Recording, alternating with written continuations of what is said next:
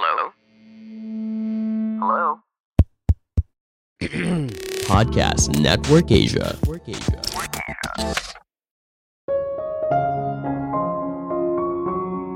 Ide besar kadang muncul di waktu yang tidak terduga. Kadang, apa yang dianggap orang lain tidak berguna atau mengganggu justru bisa disulap menjadi sesuatu yang punya nilai tambah. Halo semuanya, nama saya Michael. Selamat datang di podcast saya, Sikutu Buku. Kali ini saya akan bahas apa yang terjadi pada sabun bekas sekali pakai yang ada di hotel. Bayangkan kamu menginap di sebuah hotel, lalu kamu ke kamar mandi, di sana sudah disediakan begitu banyak amenities, mulai dari shampoo, conditioner, sikat gigi, sabun, dan sebagainya. Tidak semua hotel menyediakan amenities yang lengkap, tergantung apakah kamu menginap di hotel bintang berapa. Namun umumnya, hotel tempat kamu menginap akan menyediakan sabun batang sekali pakai. Kamu pun lalu memakainya paling tidak sampai lima kali. Lalu keesokan harinya kamu pulang dan check out. Nah, apa yang terjadi pada sabun sekali pakai itu? Kalau dibuang, tentu saja sayang banget kan? Apakah ada cara yang lebih baik? Sebelum kita mulai, buat kalian yang mau support podcast ini agar terus berkarya, caranya gampang banget. Kalian cukup klik follow. Dukungan kalian membantu banget supaya kita bisa rutin posting dan bersama-sama belajar di podcast ini.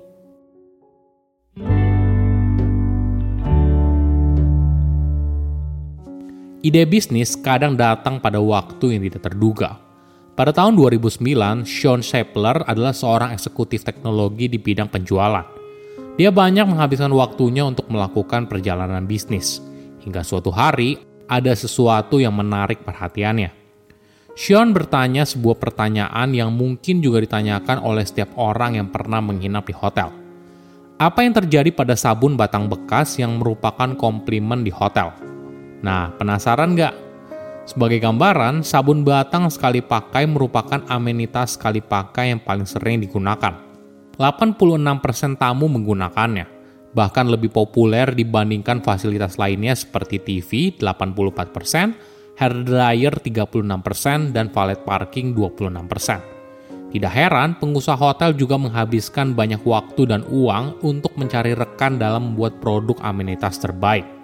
Misalnya di berbagai hotel chain berbintang, amenitasnya punya aroma sendiri dan menjadi bagian dari pengalaman menginap yang ditawarkan. Namun tidak selamanya hotel seperti itu. Dalam sejarahnya, di masa awal bisnis hotel, konsumen tidak diberikan sabun secara cuma-cuma. Bahkan tidak ada kamar mandi sendiri. Lalu di awal abad ke-20, kamar hotel berinovasi dan tersedia kamar mandi di dalam. Jadi, sabun boleh dibilang merupakan salah satu amenity pertama yang disediakan di kamar mandi. Tentunya di era sekarang, amenity di kamar mandi hotel sudah beragam, mulai dari botol mini untuk lotion, shampoo, hingga conditioner. Beberapa hotel sudah mulai mengganti produk sekali pakai menjadi mesin dispenser yang bisa direfill. Namun di banyak hotel, kamu masih sering menemukan sabun di samping wastafel. Sabun masih tersedia di sana, Ya karena itu merupakan produk yang paling sering digunakan, bahkan lebih sering digunakan daripada TV. Bayangkan ada 5 hingga 6 juta kamar hotel di seluruh dunia. Lalu rata-rata tingkat okupansinya adalah 60% setahun. Nah, berarti ada ratusan juta kamar dan tentunya begitu banyak sabun sekali pakai yang terbuang sia-sia. Kembali pada pertanyaan Sean di awal, resepsionis hotel lalu menjawab kalau mereka membuang sabun bekas yang digunakan oleh tamu. Tentunya hal ini tidak baik bagi bumi kan? Bayangkan ada jutaan sabun yang berakhir di tempat pembuangan sampah setiap harinya. Di dalam diri Sean, dia tidak suka menyanyiakan barang. Jadi ketika pulang, Sean langsung berusaha mencari cara bagaimana bisa mendaur ulang sabun bekas sekali pakai menjadi sabun baru bagi orang di belahan dunia lain yang membutuhkan. Dengan bantuan dari teman dan keluarga, Sean menyulap garasi rumahnya menjadi sebuah laboratorium. Mereka bahu-membahu untuk mewujudkan proyek ini. Ada yang menyerut permukaan luar sabun yang kotor. Ada juga yang mencincang sabun itu menjadi serpihan yang lebih kecil. Ada yang memasaknya hingga jadi cairan, lalu kemudian diubah kembali menjadi sabun yang padat. Dalam sehari, mereka bisa memproduksi sekitar 500 sabun batang yang baru. Selain fokus membuat produk, Sean juga tenggelam untuk meriset siapa yang paling membutuhkan sabun ini. Ternyata sekitar 6.000 anak di bawah 5 tahun meninggal dunia setiap harinya karena pneumonia dan diare. Padahal tingkat kematian akibat dua penyakit ini bisa berkurang hingga setengah apabila mereka mencuci tangan dengan sabun secara rutin. Setelah berhasil menciptakan formula yang cocok, Sean lalu pergi ke Holiday Inn, meminta mereka sabun bekas sekali pakai. General Manager hotel itu sangat senang sekali apabila ada orang yang membantunya.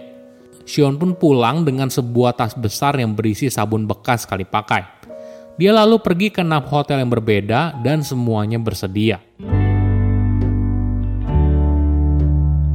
Tentunya untuk mengirimkan sabun ke berbagai belahan dunia butuh dana dan skala operasional yang besar kan?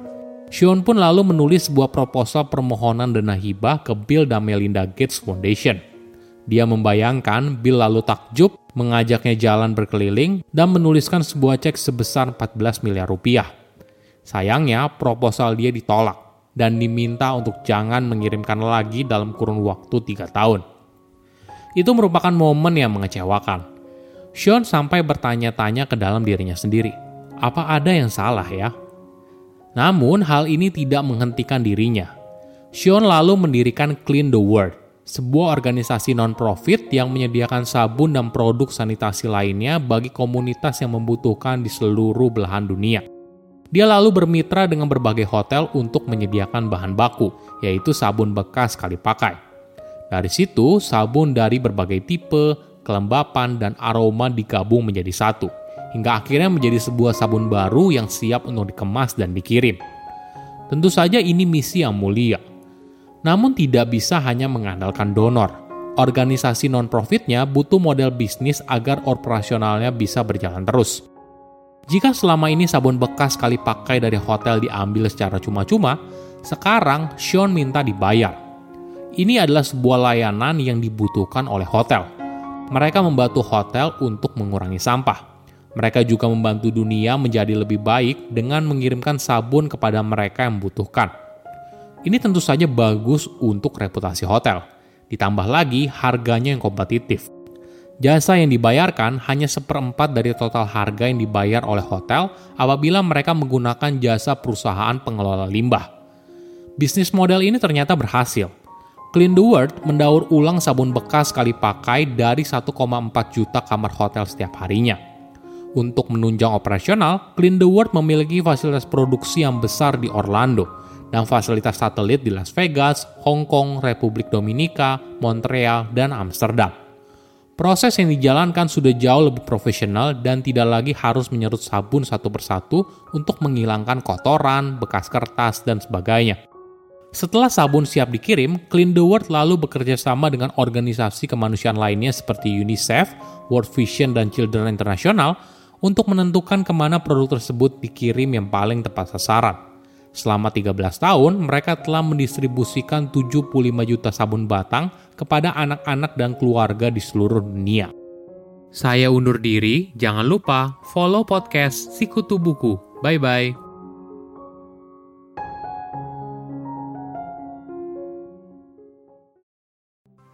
Pandangan dan opini yang disampaikan oleh kreator podcast, host, dan tamu tidak mencerminkan kebijakan resmi dan bagian dari podcast Network Asia. Setiap konten yang disampaikan mereka di dalam podcast adalah opini mereka sendiri dan tidak bermaksud untuk merugikan agama, grup etnik, perkumpulan, organisasi, perusahaan, perorangan, atau siapa pun dan apa pun.